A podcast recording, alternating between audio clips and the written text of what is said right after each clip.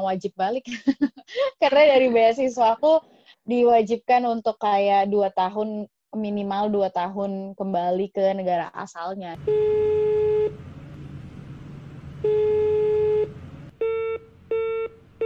Halo pejuang, apa kabar? Selamat datang di podcast Suara Impian.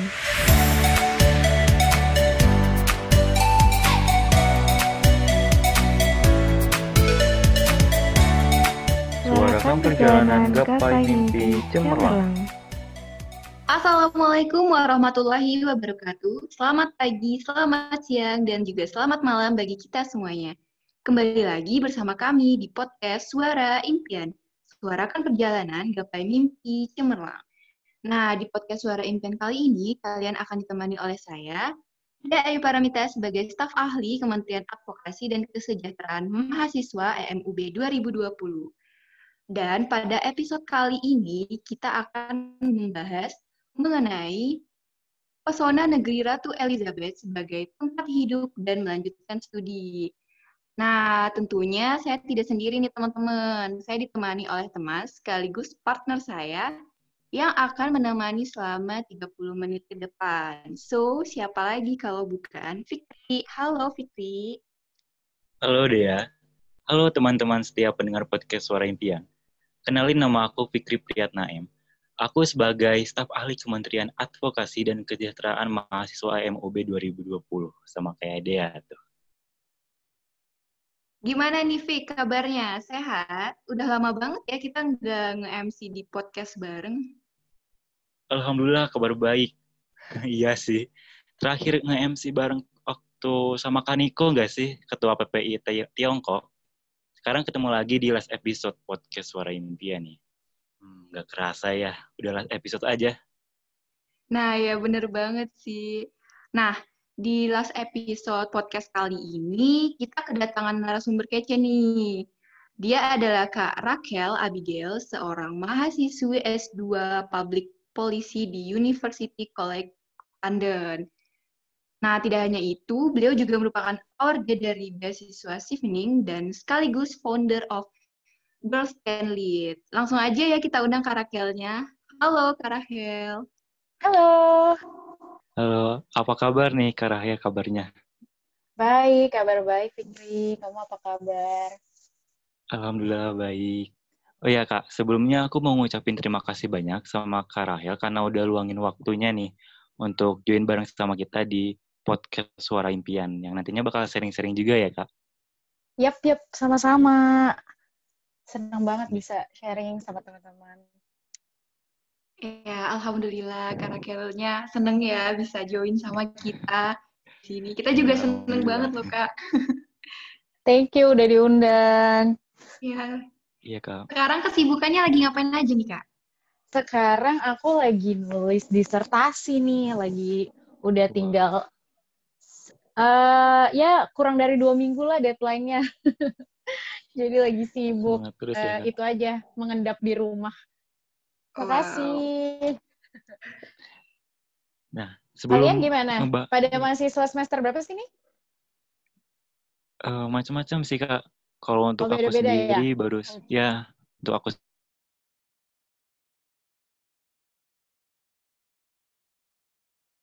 Ya. Okay. Nah, sebelumnya aku mau mau tahu nih kak tentang cerita -hmm. kakak pengalaman awal tinggal di negeri orang itu seperti apa tuh dari pengalaman lucunya atau sedihnya mungkin pasti ada kan. Dan iya, iya, iya. aku juga ingin tahu kenapa kakak bisa milih UK gitu sebagai tempat untuk melanjutkan studinya. Oke, okay, kenapa UK?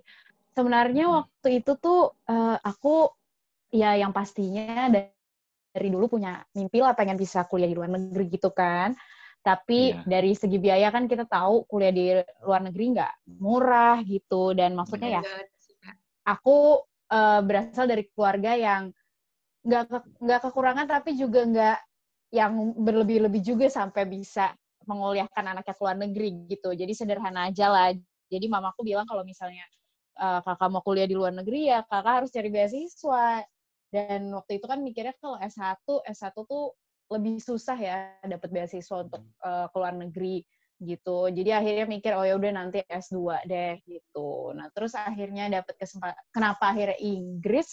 Sebenarnya karena uh, aku pengen kuliah tuh waktu itu impiannya adalah maunya di universitas yang memang bagus di bidang yang aku suka. Nah, aku kan pengen belajar ke tentang kebijakan publik, tentang politik.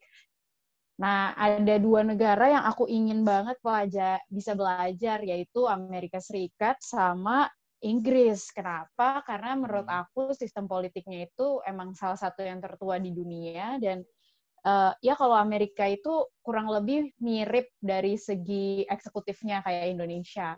Sedangkan kalau Inggris walaupun mereka bentuknya parlementer, tapi uh, ya juga salah satu pemikiran-pemikiran politik, filsafat-filsafat itu kan banyak dari Eropa, dari dari Inggris gitu. Jadi aku mikir ya aku pengen bisa nih belajar di antara dua negara uh, ini gitu. Dan kebetulan ya puji Tuhan bersyukurnya dapat beasiswanya dari pemerintah Inggris waktu itu Chevening. Jadi akhirnya ya ada yang emang itu impian aku dan yang dapat beasiswanya di situ ya udah akhirnya pergi ke Inggris deh gitu. Nah terus kalau untuk pengalaman sedih uh, serunya banyak ya. Tapi kalau mungkin kalau yang paling sedihnya itu ya mungkin semua orang ngalamin ya dengan adanya pandemi COVID ini. Pastinya kan yeah. uh, impiannya itu adalah uh, ketika ada libur-libur semester, libur-libur term break itu maunya traveling gitu kan udah di sini iya yeah, bener kak. Apalagi aku base-nya di London gitu. Aku Wah. base-nya di London tuh yang kayak ke Paris ke Belanda itu cuma sejam dua jam kalau naik pesawat. Dan murah mahalan dari Jakarta ke mana? Ke Papua apa ke Maluku oh. kali. Daripada wow, ke dari sini. Iya kan karena udah sama-sama Eropa gitu. Jadi cuman kayak ya mungkin ini ada pelajaran yang mau Tuhan kasih harus bisa bertahan gitu. Jadi benar-benar ya pengalaman banget sih once in a lifetime nih kuliah di tengah pandemi gitu. Lalu pengalaman yang lain lagi mungkin kalau senang-senangnya ya, aku senang aku bersyukur bisa dapet Chevening karena Chevening itu kan beasiswanya beasiswa global ya. Jadi bukan hmm. da, bukan apa namanya penerimanya tuh nggak cuma dari satu dua negara, tapi emang benar-benar mereka tuh ada di 100 negara lebih di seluruh dunia. Jadi aku senang banget bisa gabung di network uh, ini ketemu anak-anak muda yang hebat-hebat juga dari berbagai belahan dunia. Terus aku dapat kesempatan beberapa kali ikut conference. Uh, misalnya ada di satu conference itu namanya Women for the Future, itu aku dapat kesempatan untuk ketemu langsung sama mayornya London, Mayor Sadikan namanya. Dia salah satu ya cukup terkenal di sini karena beliau uh, jadi mayor di ibu kota dan tapi beliau berasal dari latar belakang minoritas yaitu uh, orang uh, keturunan Timur Tengah dan Muslim gitu di Inggris yang notabene negara uh, Barat. Jadi itu menarik untuk melihat diversity-nya, toleransinya di sini uh, dan ketemu sosoknya langsung gitu. Terus aku dapat kesempatan juga untuk ketemu teman-teman yang misalnya dari negara-negara konflik, uh, let's say misalnya dia dari uh, apa dari Palestina gitu Palestina, yang kadang kita ya. dengar dengar tuh hanya dari berita aja ini aku bisa dengar langsung ceritanya dari orang yang mengalami langsung gitu jadi benar-benar uh, apa ya aku bisa ketemu begitu banyak orang dari begitu banyak latar belakang dan itu pengalaman yang sangat menyenangkan sih menurut aku. Nah, nah nonton konser kalau kamu suka musik ya tentunya yeah. ini sebelum pandemi ya Inggris adalah salah satu uh, London utamanya adalah kota kota yang ini ya sangat uh, bisa dibilang salah satu pusat dunia lah Inggris New York. Jadi dapat kesempatan tuh kayak ada banyak musisi musisi-musisi yang aku suka kayak John Mayer itu aku bisa nonton hmm. langsung. Hmm. Harusnya aku nonton Taylor Swift sama Alicia Keys wow. tapi akhirnya dibatalin. Dibatalin ya kak. Oh, itu sedih jadinya kayak oh, aku gak mau di refund aku maunya nonton tapi ya udah harus harus beradaptasi akhirnya gitu. Iya. Oh, Pengalaman yang sangat luar biasa ya kak. Iya benar banget sih. benar-benar ini tuh kesempatan emas banget bisa berkuliah di luar negeri terutama di kampus Indian. Iya. suara impian London. Nah, berbicara soal UK nih kak, apakah negara tersebut ini cukup nyaman nih dihuni oleh mahasiswa, terutama mahasiswa rantau nih kayak Kak Rahel. Nah, gimana sih uh, masyarakat lokal sendiri di sana? Terus pergaulannya seperti apa? Terus makanannya, apakah Kak Rahel sendiri nih transportasinya seperti apa? Bisa diceritain nih, Kak? Iya, iya. Kalau misalnya untuk uh, lingkungannya sendiri, mungkin karena aku tinggal di London kali ya. London tuh maksudnya ibu kota yang pastinya sangat diverse gitu. Tapi orang UK in general, sejauh ini yang aku temui ya, uh, ramah-ramah aja, biasa-biasa aja sih. Cuman kalau memang kalau teman-teman aku yang pernah kuliah atau tinggal di Amerika membandingkan sama Inggris, orang Amerika tuh cenderung lebih ramah sama strangers sama orang yang nggak dikenal gitu. Bisa yang senyum ngajak ngobrol kalau misalnya kamu ke restoran uh, apa namanya kamu ke tempat hangout. Cuman kalau misalnya di Inggris orang-orangnya itu memang cenderung lebih reserve lebih kaku. Jadi tapi bukan berarti mereka sombong simply uh, mereka lebih kayak ya menghargai mereka menghargai apa ya space personal kamu dan sebaliknya kamu mereka juga mau dihargai personal space mereka gitu. Nah kalau misalnya uh, dari segi uh, penerimaan oke okay, fine fine aja dan mungkin bedanya ini aku komparasi karena itu negara yang aku apa pernah kunjungi ya mungkin dari segi dan yeah. dari segi politiknya Indo, uh, sorry Inggris itu cenderung lebih stabil kalau aku lihat ketimbang Amerika apalagi akhir-akhir ini kalau Amerika itu kan untuk senjata uh, api itu orang sipil punya hak untuk memiliki. Uh, sedangkan kalau di Inggris mirip sama Indonesia itu hanya boleh dipakai sama uh, militer sama aparat keamanan. Jadi aku in that sense aku ngerasa lebih safe gitu. Terus kalau dari segi makanan, makanan sih sebenarnya oke-oke aja karena balik lagi mungkin karena aku di London tapi nggak juga sih aku banyak ke kota-kota yang istilahnya udah hitungannya pedesaan di UK uh, eh, makanan itu udah sangat-sangat beragam. Kayak kamu bisa nemuin misalnya di satu kota namanya York gitu ya kamu bisa nemuin banyak uh, restoran Thailand bahkan yang ya mirip-mirip lah sama uh, lidah orang Indonesia. Restoran Thailand restoran India. Dan Asian market tuh rata-rata udah sangat-sangat accessible. Jadi kalaupun kamu nggak dapet uh, makanan yang kamu mau di restoran kayak justru aku di sini jadi belajar banyak belajar masak dan akhirnya masak gitu loh kalau lagi pengen apa misalnya mau tahu goreng mau uh, bacem mau bikin soto ya jadi akhirnya masak sendiri gitu. Jadi menurut aku itu bagus sih untuk meningkatkan life skill karena kan mungkin kalau di Indo ya lah maksudnya mie ayam aja sepuluh ribu gitu kan lima ribu yeah, soto segitu ribet banget gue masak kan. Cuman kalau misal karena di sini ya mau nggak mau jadi masak tapi jadi belajar juga kayak tahu oh ini tuh bumbu-bumbu. Oh ternyata it's not uh, it's not that hard gitu loh nggak terlalu susah gampang juga untuk masak gitu. Nah untuk sistem transportasi oke okay banget sih kayak maksudnya uh, yang pastinya ada macet tapi nggak separah Jakarta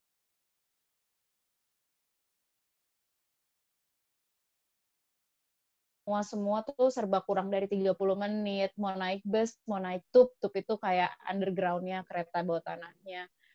Jadi waktu tuh sangat efisien, aku bisa ngelakuin banyak hal dan mungkin yang akan aku kangenin ketika balik salah satunya adalah itu efisiensi waktu. Terus udara juga polusinya dikit, enak banget buat lari, keluar, jalan keluar sore-sore, duduk-duduk di taman. Kayak bahagianya tuh simple menurut aku di sini kalau di Indonesia kan apa apa serba mall itu yang mungkin bakal aku kangenin banget sih. Dan bisa bisa jalan. Di sini orang sangat menghargai pejalan kaki itu yang sangat sangat sangat aku hargai. Dan aku bakal kangen banget. Tuh. Wow. Jadi emang sangat cocok ya negara UK ini untuk dikunjungi atau untuk dijadikan iya. orang-orang rantau seperti kita nantinya gitu ya iya. dari masyarakat lokalnya iya yang tadi sangat ramah, terus pergaulannya, dan juga makanannya ternyata di sana udah ada ya makanan makanan Asia gitu yang bisa cocok sama iya. lidah kita gitu. Cocok kok, iya. bisa bisa. Mm -hmm. Tapi kalau untuk living cost-nya itu sendiri gimana nih kak? Uh, nah, living sekitar cost, berapa gitu? Hmm. kalau Kira-kira untuk pengeluarannya London, gimana gitu? Hmm? London Ya, tuh gimana, memang mahal. Kayak dan Inggris in general mahal. Itu Hmm. itu udah pasti karena kayak ya mereka mata mata uang paling kuat di dunia kan sekarang ini. Iya. Kalau nggak karena beasiswa, aku yakin aku nggak nggak sanggup sih. Udah itu udah pasti gitu. Belum nggak sanggup kalau untuk tinggal. Maksudnya apalagi dengan pemasukan standarnya Indonesia ya. Jadi bersyukur banget ada beasiswa.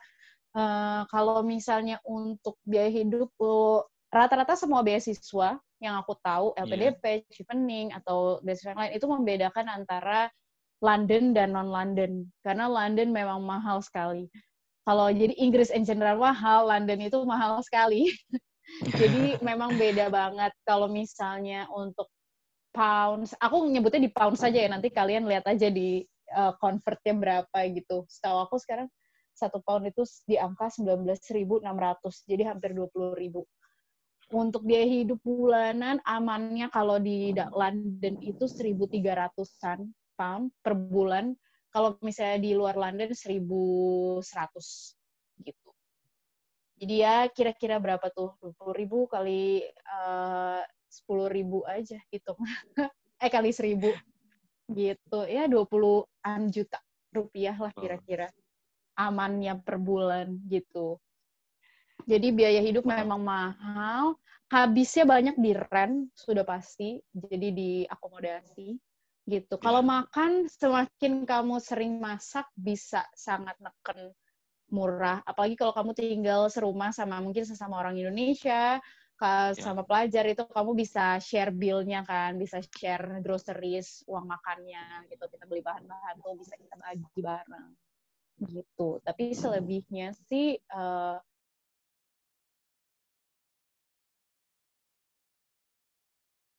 saya ya kamu juga mesti hitung kan kalau misalnya Iya. masalah itu kita nggak bisa necessarily uh, compare langsung ke rupiah. Kita harus lihat pemasukan orang di sini berapa gitu. Dengan 1.500 untuk mahasiswa kalau kamu lulusan uh, lulusan uh, maksudnya kamu lulus baru lulus misalnya let's say S1 tuh ya di UK itu standar gajinya tuh mulai dari 3.000 2.500-an gitu. 2.500-an sampai 3.000 jadi ya 1.500 itu uh, wajar gitu loh untuk biaya hidup di sini karena memang standar pemasukan orangnya di angka 2.500. Iya, pemasukannya juga tinggi gitu ya kak. Mm-mm. Hmm. Nah kalau untuk kos atau dormi dormitorionya gimana? Dormitorinya? Iya, kalau untuk Harganya kayak gimana gitu tantangannya? benar-benar tergantung tipe tipe yang kamu pilih ya. Hmm. Tapi pas biasanya sih kalau kamu pilih yang dari kampus itu sedikit lebih Ya. murah daripada umum. Eh enggak, tapi tergantung juga sih. Benar-benar beda-beda banget. Kayak Mungkin tergantung, Tergantung fasilitasnya gitu ya. Ya. Mm-mm. Gitu, tergantung fasilitasnya dan tergantung di kota mana. Yang pasti misalnya nih ya, aku bayar 500 antara di London sama aku di misalnya kota Leicester lah, Lancaster, York, yang di luar London, Brighton itu pasti beda dapetnya. Aku mungkin bisa dapet yang kayak ada ruang tamunya dengan angka 500, tapi kalau di London aku dapetnya cuman kayak flat yang kamar-kamar doang, nggak ada ruang tamu sama sekali. Gitu. Jadi bener-bener tergantung. tapi yang Beragam gitu. jelas London mahal. Karena merupakan ini juga ya pusat kota dan ibu Iya. kota Inggris juga. iya. Uh, jadi lebih mahal. itu. Wow, sih. Nah, kan tadi Kak Rahel udah bilang nih kalau kehidupan di London itu cukup mahal. Nah, dari Kak Rahel sendiri nih, gimana sih eh, tips and trick ngatur Mm-mm. keuangan nih Kak supaya nggak boros-boros banget dia tinggal di. UK? Gimana nih Iya. versi Kak Rahel? Kalau kalau aku sih untuk itu yang pastinya semua yang wajib dibayar kayak yang kebutuhan utama itu pasti aku bayar once aku gajian gitu ya, once aku uang beasiswa turun tiap bulannya ah, kayak apa sih kayak akomodasi, bills-bills yang harus dibayar itu udah pasti aku bayar duluan gitu loh. Dan aku biasanya nyisihin yang apa yang emang kalau emang aku mau nabung, aku sisihin tabungannya itu udah di awal. Jadi either aku kayak di sini kan model eh, apa namanya kita mau semua rata-rata udah mobile banking kan Jadi kayak bisa diatur tuh, misalnya aku kayak langsung secure ada satu pot sendiri untuk kayak tabungan aku itu aku lock langsung nggak bisa aku pakai gitu selama sebulan ke depan. Jadi aku benar-benar udah pisahin yang perlu-perlu di awal. Nah setelah itu baru deh apa namanya uang makannya uh, berapa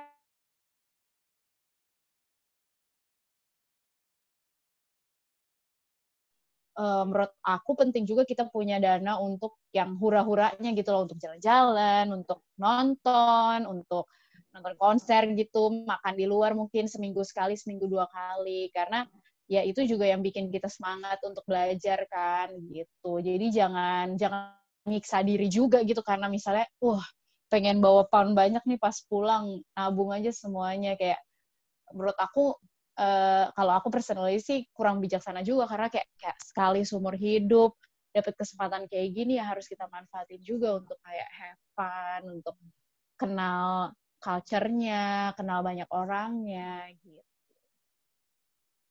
Wah. Oh ya kakak, kakak tuh berarti di UK udah hampir setahun gitu ya kak? Iya, minggu depan setahun pas. setahun. Nah, selama setahun itu tuh menurut kakak apa aja sih sisi positif sama negatif dari UK hmm. itu sendiri? Uh, menurut aku itu Pasti tergantung banyak banget gitu kan kak? Iya, uh, tergantungnya tuh lebih ke orang beda-beda gitu ya. Kalau aku positifnya yang pastinya sistem pendidikannya jauh-jauh lebih komprehensif, lebih bagus gitu ya dari dari itu harus kita akui dari Indonesia. Tapi juga di satu sisi kan karena rata-rata apa institusi pendidikan di sini tuh udah dari tahun 1700, 600, 800. Universitas aku sendiri dibangun tahun 1800-an. Sedangkan di Indonesia universitas tertua ITB itu tahun berapa? masih 19 something kan ya, gitu. Jadi 19 Jadi maksudnya nggak iya nggak nggak uh, apa namanya nggak bisa dipungkiri itu juga mempengaruhi gitu kan. Nah, dan uh, ya yang pastinya pendidikan itu sih dan akses ke ke sumber informasi itu banyak sekali, jurnal-jurnal yang you name it itu pasti ada dan kemudahan transaksi digital itu aku sangat ini sih sangat menghargai banget kayak aku tuh di sini tuh hampir nggak pernah pegang cash. Jadi benar-benar semua tuh serba cashless karena semua udah connect ke handphone, connect ke kartu dan itu tuh mudah sekali. Itu adalah kemudahan yang akan akan sangat aku uh, apa ya akan sangat aku uh, kangenin kalau misalnya nanti aku balik gitu. Tapi mungkin kalau sisi uh, negatifnya apa ya kalau aku lebih personally kayak ya mungkin karena ini bukan negara aku at the end of the day kayak aku tuh kangen bisa lebih fokus bakal masalah ngomongin tentang politiknya, ngomongin tentang budayanya.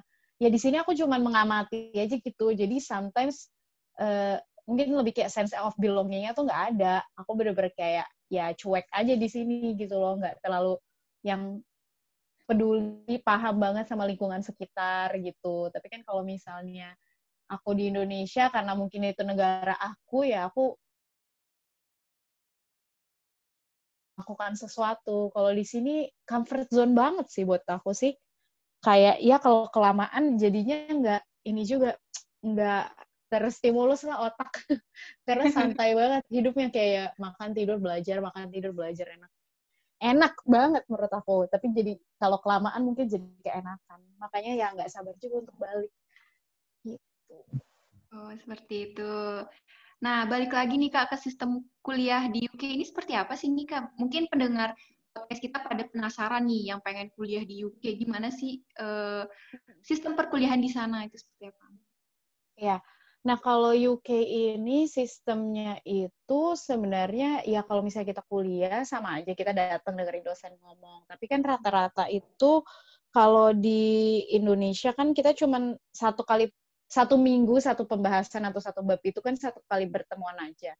Nah kalau di UK itu uh, biasanya kita dua atau bahkan tiga kali. Jadi ada yang namanya uh, lecture atau perkuliahan, ada yang namanya seminar. Nah kalau yang seminar ini, kalau yang lecture kita kayak ya beneran datang ke kelas aja, uh, terus itu cuma sekali diadainnya dan itu kita dengerin doang dosennya ngejelasin apa gitu. Kalau misalnya yang seminar itu kita kayak dibagi grup-grup kecil, dibagi bagi dibagi grup-grup kecil, lalu kita akan memberikan hmm, apa? Kita akan uh, lebih banyak diskusi sama exercise gitu misalnya ada ada studi kasus hmm, ada misalnya kita disuruh bawa artikel terus kita bahas diskus sama teman uh, sebelah kita nanti kita pre atau presentasi gitu jadi benar-benar uh, dosennya tuh hanya sebagai fasilitator lebih banyak kita yang engage gitu nah itu dua pertemuan yang berbeda dan kalau yang di absen itu di sini justru yang seminar yang wajib karena ada involvement kita. Kalau lecture kadang lecture itu kan juga direkam. Jadi kadang kalau misalnya kamu nggak bisa datang ya kamu bisa dengerin rekamannya.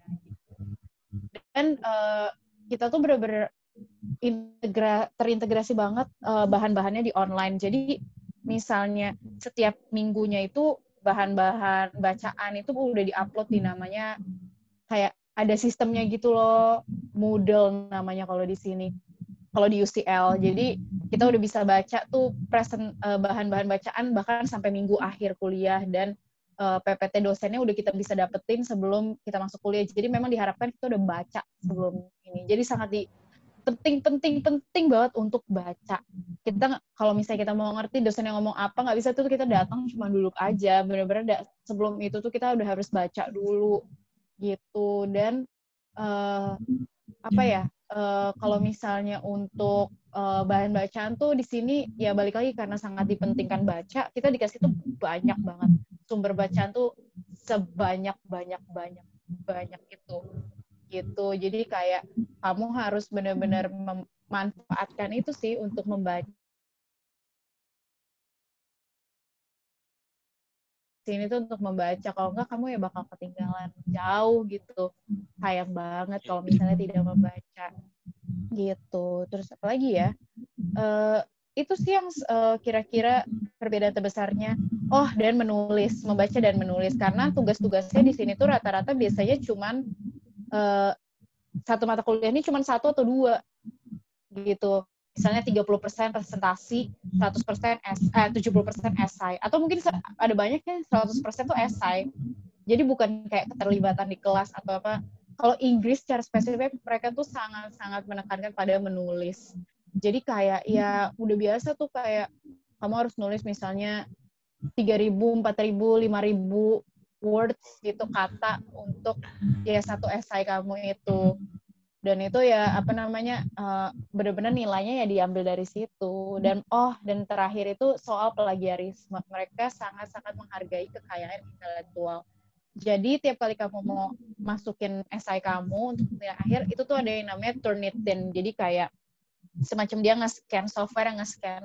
Kalau misalnya kamu uh, terdeteksi nih kamu ada mengcopy something terus kamu kamu nggak paraphrase atau kamu nggak mengutip langsung, kamu nggak tulisin sumbernya, itu tuh bakal terdeteksi dan itu kamu bisa uh, apa namanya bisa dikenakan sanksi entah nilai kamu di nolin atau kamu harus ngulang lagi dan nilainya nggak bisa lebih misalnya dari berapa persen gitu. Jadi penting banget untuk kamu uh, apa namanya bisa menulis mengutip orang tuh dengan baik yang dan benar gitu. Menulis itu sih yang benar-benar PR utama itu Oh gitu ya, jadi sistem perkuliahan di sana itu menekankan membaca sama menulisnya ya kak? Iya, nah, betul.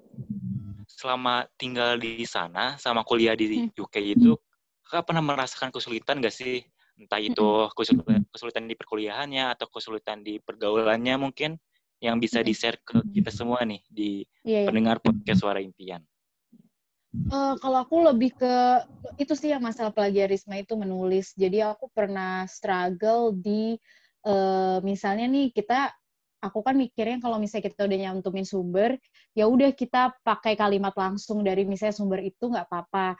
Nah ternyata di sini nggak bisa sistemnya seperti itu, karena itu berarti kamu nggak mikir atau kamu nggak bisa ngambil intisarinya gitu. Jadi yang harus dilakukan adalah di paraphrase atau kayak gimana ya? Kamu kamu tahu nih kalimat ini dari orang lain. Kamu ambil boleh, tapi kamu gunain kata ka kalimat kamu sendiri untuk menjelaskan. Gitu. Nah, aku tuh pernah ada satu mata kuliah yang aku struggle di situ, jadinya aku sempet kayak harus di menjelaskan ke komite etiknya kalau misalnya aku tuh nggak ada niat untuk plagiarisme gitu nah itu itu salah satu struggle aku sih di bidang akademik tapi aku juga jadi belajar di situ oh bahwa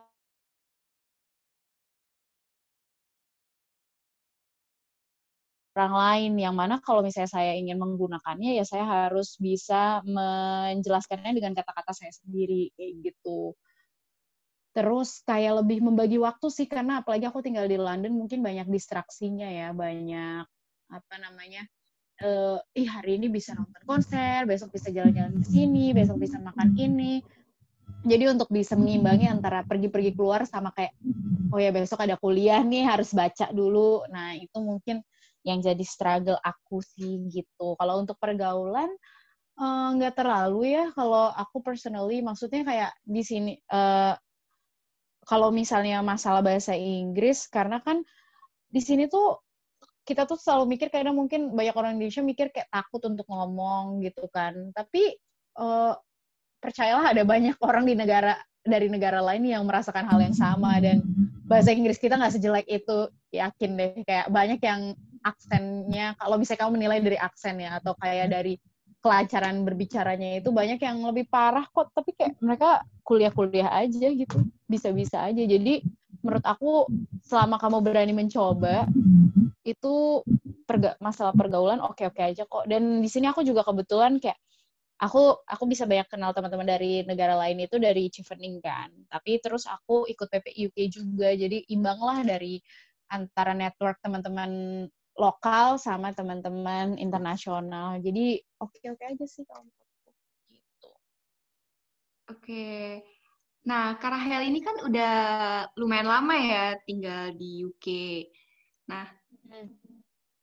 apakah ada keinginan gitu Kak pengen balik ke Indonesia, kangen dengan suasana di Indonesia, makanannya, uh, suasana perkotaannya.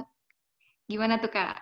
Apakah ada keinginan gitu pengen balik Indonesia? Kalau aku sih bukan bukan hanya keinginan pribadi, emang wajib balik.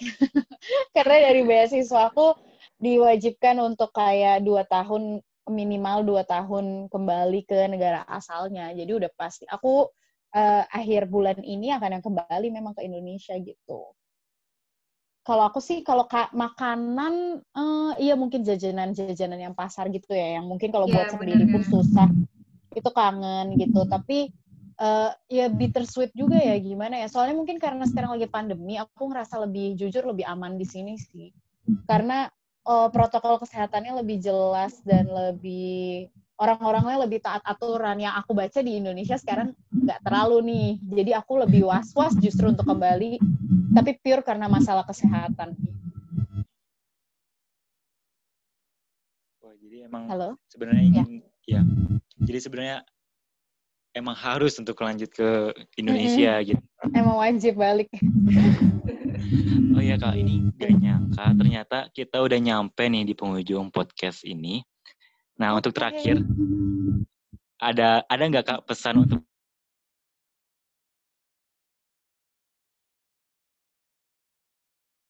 tentunya. Iya untuk teman-teman pendengar uh, yang penting berani untuk bermimpi, semangat terus, uh, karena uh, ada banyak jalan, ada banyak cara untuk mencapai mimpi kamu. Kalau misalnya gagal sekali, jangan pernah menyerah. Karena aku pun untuk sampai ke sini tuh nggak satu kali, dua kali nyoba, tapi beberapa kali. Dan aku yakin kalau emang waktunya uh, dan Tuhan berkenan, insya Allah bisa kok gitu. Jadi tetap semangat ya. Nah, itu tadi merupakan penjelasan dari Karahel Abigail di episode kali ini yang membahas tentang pesona negeri Ratu Elizabeth sebagai tempat hidup dan melanjutkan studi. Semoga ilmu dan informasi yang diberikan dapat bermanfaat bagi seluruh pendengar suara impian ya. Amin. Kami selaku moderator pamit dulu diri ya teman-teman semua. Sampai jumpa di episode selanjutnya. Salam, Salam mimpi.